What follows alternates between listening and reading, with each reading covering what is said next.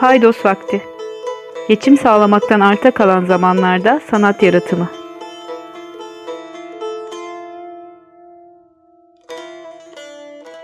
Merhabalar, ben Pelin Buzluk. Paydos Vakti'nin 3. yayınında birlikteyiz. Ee, bu yayında ilk olarak sosyal medyada kurulan arkadaşlıkların doğasından söz edeceğiz. Bu konu çok derin ve geniş tabii. Ee, elbette kendi kabımca ve kısaca ele almaya çalışacağım. Sonra benim de hiç yüz yüze gelmediğim ama 7-8 yıldır sosyal medyadan arkadaşım olan, yakın arkadaş saydığım Cem Zaryan'la sohbet edeceğiz. Ee, sosyal medyada kurulan arkadaşlıklar üzerine aslında sosyal medya hayatımıza girdiğinden beri hepimiz gibi ben de kafa yoruyorum. Facebook e, 2004'te kurulmuş. Herkesin bir Facebook hesabı edinmesi belki 2008'i buldu. Ortaya çıkış amacı malum eski arkadaşlarla iletişim halinde kalmaktı. Herkes ilkokul arkadaşlarını bulmak üzere oradaydı. Sonra eskileri bulduysak bile onların neden eskidiğini mi anladık nedir? Ee, çoğu arkadaş listemizde birer isim olarak kaldı. Başka yollara yürümüştük ve uyaranlar her gün daha hızlı artarken belki de dönüp 20 yıl önceki bir arkadaşın hayatıyla ilgilenemiyorduk. Giderek yeni arkadaşlar bulmak için ihtiyaç duyduğumuz bir yer oldu sosyal medya. Hem hangi müzikten hoşlanır, siyasi görüşü nedir, sinemadan anlar mı, şiir okur mu? Ee, bu bilgilere şıp diye erişiyorduk. Hmm. Yani acaba sahiden öyle miydi? Son aşamada sanırım herkes sosyal medya hesaplarının bir takdimler toplamı olduğunu anladı. Herkes bir ben kurgusuyla kendisini insanlara sunuyor. Ben ben de buna dahilim görünmek istediği yanlarıyla e, ya da görünmek istediği gibi e, görünüyor herkes. Fiziksel takdim e, çoğunlukla yüzden ibaret. İnsanları bedenleriyle değil yüzleriyle tanır olduk. Beden takdimi yani yüze indirgenmiş oldu. E, filtreler bu yüzleri değiştirdi. Herkes yanılır e, ve yanıltır oldu. Twitter'da sıklıkla kullanılan bu kesin olmuştur cevabına kadar vardı iş. Kimse kimseye inanmıyor artık. Üstelik bir insanın e, sosyal medyada kendini takdimini bütünüyle anlamak için hem Instagram hem Facebook hem Twitter hesaplarını takip etmeniz gerekiyor. Her birinde farklı bir parçasını görüyoruz e, ya da sunuyoruz bu kurgusal benin. Böyleyken e, biriyle sosyal medyadan arkadaş olup yıllarca hiç görüşmeden e, bunu sürdürmek, dahası e, geliştirmek nasıl olabilir? Aslında telefonlaşmak ve görüntülü konuşmak bu bağı güçlendirebilir. Ee, yine de kanlı canlı gördüğünüz biriyle aynı olur mu? Yani mimikler, jestler, e, başka insanlar içindeki hali, tavrı olmadan bir insan tam olarak tanınabilir mi? E, şöyle düşündüm, eğer yüz yüze görüşmelerde de bedenimizle yine de bir kurguyu, kurgulanmış bir beni sürdürdüğümüzü aklımıza getirirsek, neden olmasın? Ee, bizim Cem Zaryan'la arkadaşlığımız da böyle gelişti. Şimdi izninizle size biraz Cem'den söz etmek istiyorum. Cem 1980 İstanbul doğumlu. Çalışıp para kazanmaya ilk defa 5 yaşında pazarda su satarak başlamış. Ee, sonra kısa süreliğine pazarda çalışmış. 10 yaşına kadar ayakkabı boyacılığı yapmış. Ee, yaz, o, o yaz tatilinde tabakhaneye işçi olarak girmiş. O zamandan bu zamana 200'den fazla işte çalışmış. Ee, bunlar arasında deri, tekstil, kağıt, plastik, alüminyum, otomotiv, elyaf fabrikaları var. Zeytinbağı'nda pamuk tarlasında çalışmış. Birahanede, çay ocağında, lokantada çalışmış. Kargo firmasına kurye olarak çalışmış. Bulaşıkçılık yapmış, bilgisayarcıda, kahvede çalışmış. Ben sorarken aklına gelenler bunlardı hızlıca. Belki başka yerler de vardır. Mutlaka atladığı yerler vardır. Mesela hatta Ankara Garı katliamında kaybettiğimiz Ercan Atsız'la birlikte inşaatlarda alçıpan asma tavan işlerinde çalışmış. Şu anda Çorlu'da yaşıyor. Özel bir çöplükte çalışarak kendi deyimiyle çilekeş hayatına devam ediyor. Bir yandan da öyküler yazıyor. Şimdi dilerseniz Cem'le sohbetimize geçelim. Cem merhaba, hoş geldin. Merhaba, hoş bulduk. Ee, nasılsın? İyiyim, sen? Ben de iyiyim, sağ olasın. Ee, benim ilk sorum biraz artık şey oldu, e, klasik oldu. E, hangi sanat dalıyla ilgiliyse konuştuğum kişi, oradan e, benzer bir soru soruyorum. E, edebiyata ilgin e, kaç yaşlarında başladı? E, yani okumaya ilgini anlatarak başlayabilirsin, bunu merak ediyorum öncelikle. Bilerek yaptığım bir şey değildi ama 8 yaşındayken e, ailece biz Gülhane Parkı'na gitmiştik. Orada bir tezgahta kitaplar vardı yani bir iki kitap satıyordu. E, ben Rıfat Ulgaz'ın bir kitabını istemiştim babamdan.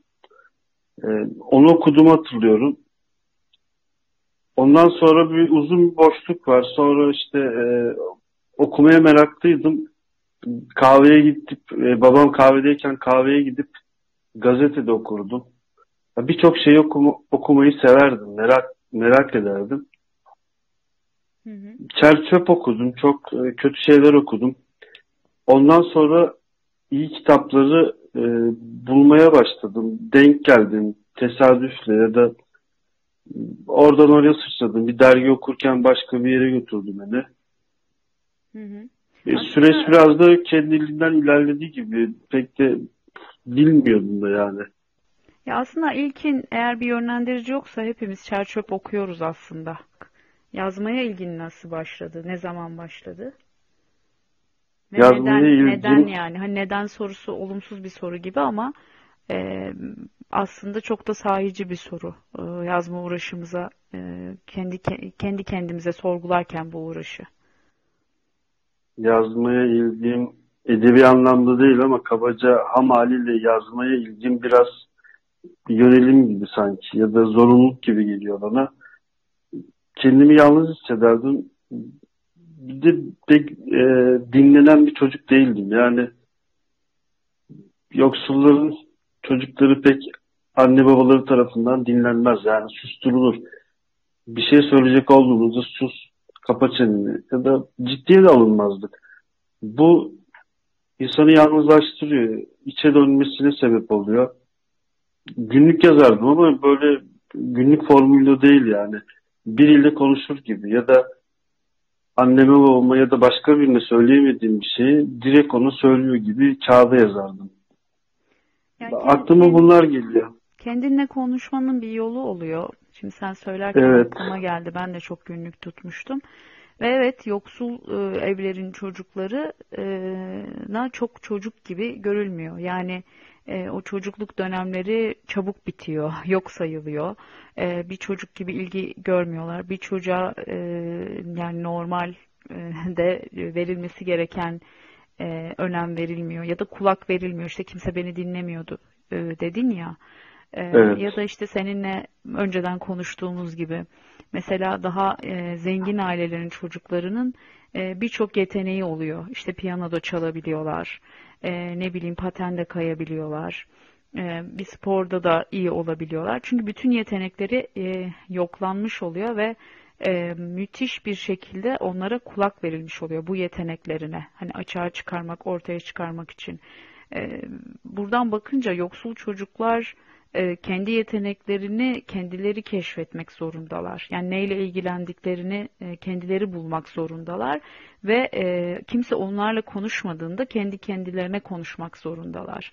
Yani kendilerini önemsemek, o değeri, o saygıyı kendilerine vermek zorundalar maalesef ve her çocuk da tabii bunu yapamıyor. Belki senin için de yazmanın yolu kendine kulak vermek. Hani kulak vermenin yolu yazmaktan geçti diyebilir miyiz? Senin adına mı konuşmuş oldum yoksa? Yok benim adıma konuşmuş da olsan aslında benim söyleyeceklerimi söylemiş oldun. İtiraz etmiyorum buna. Ee, kuzenim var mesela e, tiyatrocu şu an ama ailesi hala mesela işte yoksul aileye bir şeydir bu. Hala işte bırak onu sigortalı bir işe gir falan derler. Bir de konservatuvar okudu. Yani yoksulların, e, yoksul çocuklarının yetenekleri varsa da e, ailesi onu e, o yeteneklerin üzerine hemen ölçmeye çalışır. İşte sanatın herhangi bir dalı olsun ilgilenmesini istemez. Evet çünkü güvenceli görünmüyor. Yani işte evet. E, sigorta çok önemli. İşte e, yani çünkü dünyasını genişletecek bir e, pencere sunulmamış ya da daraltılmış bile isteğe. E, o yüzden oradan bakıyorlar ve daha büyük bir cesaret göstermek gerekiyor. Yani hayallerin peşinden gitmek için yoksul bir ailede doğduysan. Çünkü e, öteki türlü açlıkla sınanabilirsin. Yani, evet ya sokağa düşme korkusu da yaşıyorum. Evet yani şey değil bu. Ee, yani ne olacak ki bir süre ara veririm e, çalışmaya, çekilir e, yazarım gibi o lüks olmuyor. Onu da denedim. İşi bıraktım bir kere. Ee, bir de bazı yazarların hayatlarını okuyunca böyle işi bırakıp işte kapanıp sonra işte e, bir kitap yazıp başardıklarını falan okurdum işte. Bu biraz da bu teşvik ederdi beni. Denedim de bunu yani. Kendi kendini gaza getirmekte de bayağı ustayım ben. Birkaç gün sonra hayat kendini böyle kapıdan bacadan dayatmaya başladı. Tekrar bir şey girmek, işte işin içisi taşımak zorunda kaldım. Tekrar başa dönüyorsun. Yani işi bırakmakla da aslında geçim kaygısı ya da o işin verdiği stres bitmiyor. Evet. İşten kurtuluyorsun ama o sefer geçim derdi peşinden geliyor senin. Devam ediyor. Yani kafam hiçbir zaman berrak olamadı.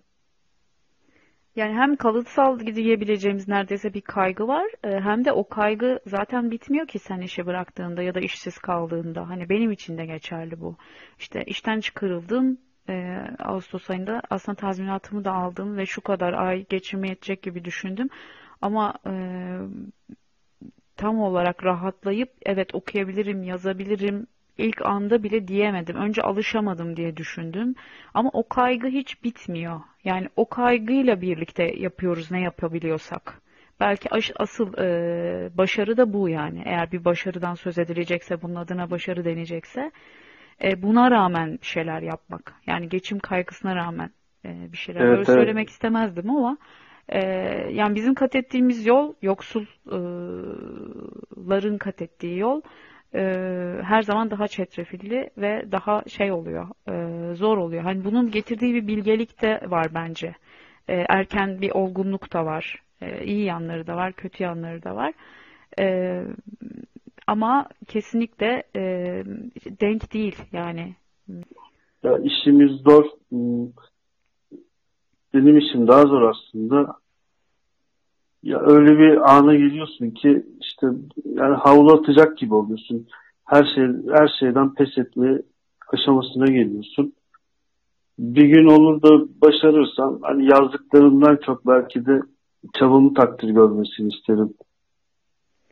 Ya işte bu çabanın takdir görmesini istemen de maalesef eşitsizlikten kaynaklanıyor. Yani yine oraya dayanan bir düşünce maalesef. Keşke böyle olmasa ama öyle. Ee, bir yandan altını çizmek istediğimiz, bir yandan yok etmek istediğimiz bir şey çünkü eşitsizlik. Ee, ben inanıyorum ama yani e, biraz cesaretle e, e, yani cesarete ihtiyacın var. Evet biliyorum e, çok fazla zamanın olmuyor. Ayrıca işte e, fiziksel bir yorgunluğun oluyor günün sonunda. Kol gücüyle çalıştığın için bunların hepsini bildiğim halde bunun üzerine hani ona zaman ayırmak, hani o hevesi, o cesareti bulmak yani şeyin hani ucunda yaşadığında senin biraz daha öyle. Yani e, ya aç kalacaksın ya devam edeceksin ve şartlar her zaman katlanabilir olmuyor. Farklı farklı sektörlerde, farklı iş yerlerinde çalıştın. Çünkü çok fazla boyun da eğemiyorsun. Ben biliyorum yani. Evet. E, çok fazla sessiz kalamıyorsun. Şimdi bu e, sürekli işte işsizlik dönemlerin olduğu, iş kazası geçirdiğin dönemler olduğu, yani doğrudan ne bileyim işte sakatlanabileceğin dönemler oldu. E, hatta ufak tefek sakatlıkların olduğu iş kazaları sonucunda. Evet. Bütün bu dönemlerde yani bu geçim sağlama kaygısı böyle e, zorlu sürerken, bunlarla uğraşırken e, senin edebiyatla bağın nasıldı? Yani yani hangi zamanlarda e, gevşedi, hangi zamanlarda kuvvetlendi. Çünkü bazen e, lüks gibi geliyor bize bu kadar sıkıntı evet. yaşarken ama bazen de gerçekten böyle bir can simidi oluyor ya da işte orada bir alan buluyoruz kendimize. Yani senin için nasıl oldu? Bunu merak ediyorum biraz. Ya okyanusta boğulduğumu düşünüyorum. Boğulurken yaptığım bir kara parçası aslında edebiyat. E, bahsettiğim durumlarda e, edebi anlamda e, kaygı güttüğüm ya da geri plana ittiğim şey yazmak oluyor. Yazmak ister istemez e, unutuluyor o an.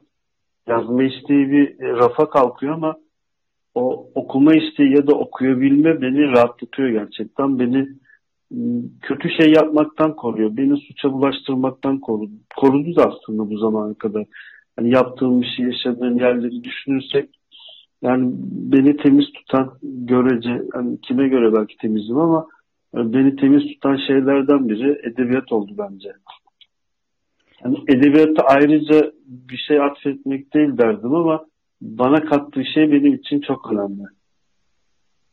Evet aslında bu fark edilebiliyor. Yani başta kendimle konuşuyordum e, dediğin evrede belki artık başkalarıyla da konuşman gerekiyor. Ya da hmm, ne bileyim e, bu diyalog bu diyaloğun artık bir alan yaratması gerekiyor hayal gücüyle. Belki bir yaşam alanı, belki bir mücadele alanı yaratması gerekiyor. Başladığı yerden büyümesi gerekiyor belki. Yani sen hmm, yani bu yazmakla hem de okumakla kurduğun bağ nasıl olmasını isterdin şimdikine göre? Yani şimdi olana göre nasıl olmasını isterdin? Şimdikine göre daha yoğun olmasını isterdim. Yani, ne, ne bakımdan yoğun? Yani sürekli mesela yazmaya çalıştığımda bir şeyler dürtükler böyle. Bir kapı sesi, bir şey sesi, çocuk sesi kendi zihnin başka tarafa gider belki hiç huzuru sağlayamamamdan olabilir. E, yaşadığım hayat değiştiği zaman bunu yaşadım Gümüşlü'ye gittiğimde. E, bu bağ bazen güçleniyor, bazen tabii ki de zayıflıyor ama şimdikinden gerçekten yoğun olmasını, güçlü olmasını isterdim. Uzun zamandır e, kesintisiz okuyamıyorum. Hala okuyorum ama kaçak köçek böyle hani kesik kesik okuyorum. Yazma konusunda da yazdıklarım işte hayatım tamamen böyle günlere değil de anlara bölünmüş gibi kopuk kopuk e, bu yönde yazdığımı yazma eğiliminin bu yönde girdiğini fark ettim. Belki de zihnimin işleyişi artık böyle değişti. Bilmiyorum. Belki de o yüzden minimal öyküler e, yazıyorsun. Çünkü yani olabilir mi? Hem e, vardiya değişimi var. Gündüzün gecen düzenli evet. değil. E, hem eve geldiğinde e, küçük çocuk var evde. E, çocukla ilgileniyorsun. Yani bunun güzel tarafı da var ama e, bir dinlenme e, yani dinlendikten sonra hani bütün dinlenmelerden sonra kendinle baş başa kalacağın, kendine ayıracağın o zamandan yoksunsun. Mesela Gümüşlük'te de e, böyle oldu dedin ya. Yani Gümüşlük evet. Gümüşlüğe ne kadar süreliğine gitmiştin? Gümüşlüğe e, Bodrum Gümüşlüğe iki kere gitmiştim. Ya çok huzurlu bir yerde, çok huzuru bulduğum bir yerde. Hatta e, Latife Tekin e, gördüğünde çalıştın mı falan demişti. Yani şaşırmıştım. Şey çalışamamıştım çünkü. Ya öyle bir huzurluydu ki yani öyle ağacın altında böyle bütün gün oturasım geliyordu. Bu da benim e, yazma durumumu zayıflattı diyemem ama belki de hiçbir zaman erişemediğim o huzura eriştiğim için yani makineyi biz rölantiye alırdık. Onun gibi bir şey oldu belki de bende. Orada yazamamıştım hiç yani. Ya biraz işte dinlenmek, biraz gönül gezdirmek, biraz tembellik e, etmek, kendini dinlemek aslında bunlar da yazma sürecine dahil. Ee, ne kadar süre kalmıştın diye o yüzden sordum. Hani ne kadar zaman çünkü uzun bir zaman insan gerçekten dinlenmek ve tembellik etmek de isteyebiliyor. İstediğini okuyup onu eline alıp onu bırakmak. Yani yazma sürecine bunlar da dahil aslında. Hayal kurmak, gezinmek, aylaklık etmek de dahil. E, o yüzden hani orada Latife Tekin çalışıyor musun diye sorduğunda e, belki çalışmanın bir parçasıydı bu. E, çünkü bu bizim için lüks oluyor. Yani bu en baştaki gönül gezdirmek kısmı belki senin için bir lükstü. O yüzden diyorsun ya an, ana bölüyorum günü ve belki de o yüzden minimal öyküler yazıyorsun. Bu, buna ne dersin? Evet. Buna katılıyorum. e, bazen yazdıklarım e, öykünün de dışına çıkıyor. E, şöyle söyleyeyim. Deri fabrikalarında da ben çok çalıştım. İşte konfeksiyonda çalışan akrabalarım da var İstanbul'da deri konfeksiyonlarında da. Parça deriler çıkardı. O çuvalla satılırdı mesela. Afganistan göçmenleri onları alır. İşte böyle dikerdi. E, yamalı ama böyle gerçekten işe yarar bir şey çıkardı yani. O parçaları ben bazen yazdıklarım ona benzetiyorum. Hmm. Aslında minimal ölçülerden ya da o anlardan, notlardan, parçalardan roman yazmak istiyorum. Aslında biraz da sanki içim oraya gidiyor benim. Ya olabilir yani yazarken e, yolunu buluyor bazı metinler. Bazı değil çoğu metin bence yazarken yolunu buluyor. Önceden planlananlar hani dışında, her şeyiyle planlananlar dışında. Peki senin edebiyatla ilgili hayallerin neler? Tam bunu söylemişken. Yani hani böyle olmasaydı nasıl olur olmasını isterdini konuştuk ama e, hayallerin neler? Belki de biraz da hani kurgulanan şimdiden sonra geleceği konuşabiliriz. Gelecekte ne hayal ediyorsun? Hayal edebiliyor musun? Hayal kurabiliyor musun? Ya hayatıma anlam katacak tek şeyin edebiyat olduğunu e, ve yazarsam bunu tamamen sağlayabileceğimi düşünüyorum. Kitabımın çıkmasını isterim tabii ki ama bundan önce yazdıklarımın ve kafamdakilerin tamamen yazıya geçirilip bitmiş olması gerekiyor. Ya değersizlik hissini azaltan bir şey benim için bu. Belki bununla alakalıdır. Birileri için de hani benim gibi yoksulların, işte mavi yaka işçilerin ya geçtim yazmasını okuması bile fazla geliyor. Ya, küçümseyici bir tarafları oluyor. Bunu hissettim yani ben kendi yaşam boyunca. Kitapçıya gittiğimde rafları böyle didik didik bakardım yani didiklerdim bütün kitapları. Bazen bir kitaba bakarken başkasıyla ortak bir kitaba ya da ortak bir yazara baktıysak e, tanışırdık kendiliğinden olurdu bu. Bir gün biriyle tanışmıştım. Doktormuş kendisi. İşte böyle bir heyecanlandı adım işte nedense. Sonra kitapçıya yakın bir e, hastaneye gitmiştik önerisiyle. Orada oturduk falan konuştuk. Sonra ya ne iş yaptığımı sordu. Belki tipime baktı, kitap tutkuma baktı, ölçüştüremedi. Sonra tamamen tanımak için mi artık bilmiyorum ama ne iş yaptığımı sordu. Nerede çalıştığımı sordu. Fabrikada çalıştığımı söyledim. O zaman deri fabrikasında çalışıyordum tabakhanede. Ne iş yapıyorsun dedi. Şaşırdı zaten. İşçiyim dedim. Nasıl yani falan dedi. İşçiyim. Nasıl, nasıl işçi dedi. Düz işçiyim, meydancıyım demiştim. Sonra olsun demişti. Sonra aradan bayağı bir zaman geçmişti. Ee, bir gün İstanbul'a gitmek için otobüse bindiğimde elimde de dergi vardı. Öyle dergi okurken yanıma o birkaç yıl önce tanıştığım doktor geldi oturdu. Tesadüfen işte biletlerin can yana. Adam beni unutmuş. Tekrar tanıştık mesela. Muhtemelen tekrar unutmuştur. Bir daha denk gelsek bir daha tanışacağız belki. Ama işçi olduğunu söylediğinde böyle yüzünün düştüğünü, böyle bir buruşturduğunu gördüm. Yani çok aşağılık kompleksim yok ama böyle geliyor bana ya. İnsanlar biz öyle demesek de derler ya işte ben seni kırmak istemedim ama ama kırdım. İşte karşısındaki insanın tarafından bakmayı bilmiyorlar. Ya çok yaralayıcı. Bir de bu anlattığın hikayede ya beni daha çok etkileyen yüzünü hatırlamaması. Ya seni hatırlamaması. Tabii hiç hatırlamadı. Ee, ve yeniden tanışması. Ee, yeniden senin işçi olduğunu öğrenince yeniden mesafelenmesi Hı. ve Tabii. o bakış yeniden ama aslında hiç yüzünü görmüyor. Yani bana daha çok dokunan şey bu oldu bu hikayede.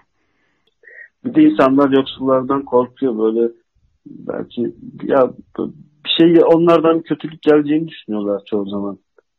Aslında yoksullar da birbirinden korkuyor. korku böyle devam ediyor. Bir de insanlar birçok şey yoksullara yakıştıramıyor. Müzikte bile işte 3-4 yıl olmuştur bıraktım ama bağlama çalıyordum ama bizim gibi insanlara yakıştırılan enstrüman da bağlama genelde ya da vurmalı bir şeye meyli varsa dümbelek falan çal derler. Hani bunu açıkça demeseler bile ya böyle bir şeyleri vardır yani. Tavırları vardır. İşte bir yoksul trompet çalıyorum derse ya falan derler. Sen mi? Yani böyle bir küçümsemeye girerler. Sırf edebiyatta değil bu. Yani edebiyat zaten yazarlık ya da okumak pek yakışmaz bize de. Ama e, Latife Tekin'le tanıştığımda işte e, bir de senle sizin e, iyi şeyleri bana yakıştırmanız beni gerçekten mutlu etti. Yani bunu söylemek istiyorum. Bu önemli bir şey bilmiyorum. Sizde sende karşılığı ne bunun ama bende çok büyük. Ee, ben yani bilmiyorum tabii hiç e, senin e, edebiyatla ilgini ya da işte herhangi bir enstrüman çalman bunu yadırgayacak e, bunun yadırganmasını tuhaf karşılıyorum zaten. Hani böyle bir e, zihniyetim hiçbir zaman olmadı. E, benim geldiğim şeyle de ilgili, e, benim geldiğim sınıfla da ilgili bu. Yani bütün yazarlar ya da bütün sanatçılar için maalesef bunu söyleyemeyiz. Hani Tabii. e, sen de göreceksin kendi içimizde de e, çok farklı kesimlerden, sınıflardan, kültürlerden insanlarız. E, orada da bir panorama görüyorsun ama e, böyle arada bulduğun işte dostluklar onlar sana dokunuyor bir şekilde e, senin için yeni bir göz oluyorsa ne mutlu yani hani e, bizim kurduğumuz şey de ona benziyor bence. Evet. Cem çok teşekkür ederim. Çok güzel bir Ben söyleşi. teşekkür ederim. E, ben şimdi senden iki minimal öykü okuyacağım. E, öyle bu kaydı tamamlayacağız. E, hoşça kal. Çok teşekkürler Sağ ol. tekrar. Ben teşekkür ederim. İlk öykünün adı Seksek. Birkaç gün önce Fuat iş kazası geçirdi. Ölebilirdi. Yaşıyor oluşu tesadüf. Haberiniz var mı? Yok. Umurunuzda mı? Değil. Birkaç saat önce. Üretim müdürü iş kazası geçirip hayatta oluşunu uzak ihtimali borçlu olan Fuat'ın durumuyla ilgili vaaz verdi. Açıkça söylemese bile örtük bir biçimde suçu ona, yaşıyor oluşunu ise verilmiş sadakasına yordu. İkinci öykünün adı olması gereken buymuş gibi. Elimde kırmızı kapaklı ufak bir bidon var. Kollarım sicim, zorlanıyorum. Önüme alıyorum. Dizlerime vura vura pazara dalıyorum. Bir elimde bardak, diğerinde bidon bağırmaya başlıyorum. Soğuk sudan içen, var mı soğuk sudan içen diye ağzın, ağzımı yaya yaya bidondaki bütün suyu satmaya çalışıyorum. Bazen pazarcının biri bidondaki bütün suyu satın alıp marulların, maydanozların üzerine serpiyor. Pazarı boydan boya turlayamadan suyum bitmiş oluyor. Erkenden eve dönmek zorunda kaldığım için üzülüyorum. Kazandığım parayı harcamayı bilmiyorum. Cebimdeki bütün bozuklukları evdeki büyük külleye boşaltıyorum. Devam ediyorum su satmaya. Devam ediyorum avuçlarımla küllüğü doldurmaya. Nereden baksan iki yıl. İki yıl boyunca külleye çalışıyorum. Dinlediğiniz için teşekkürler. Bir sonraki yayında buluşmak üzere. Hoşçakalın.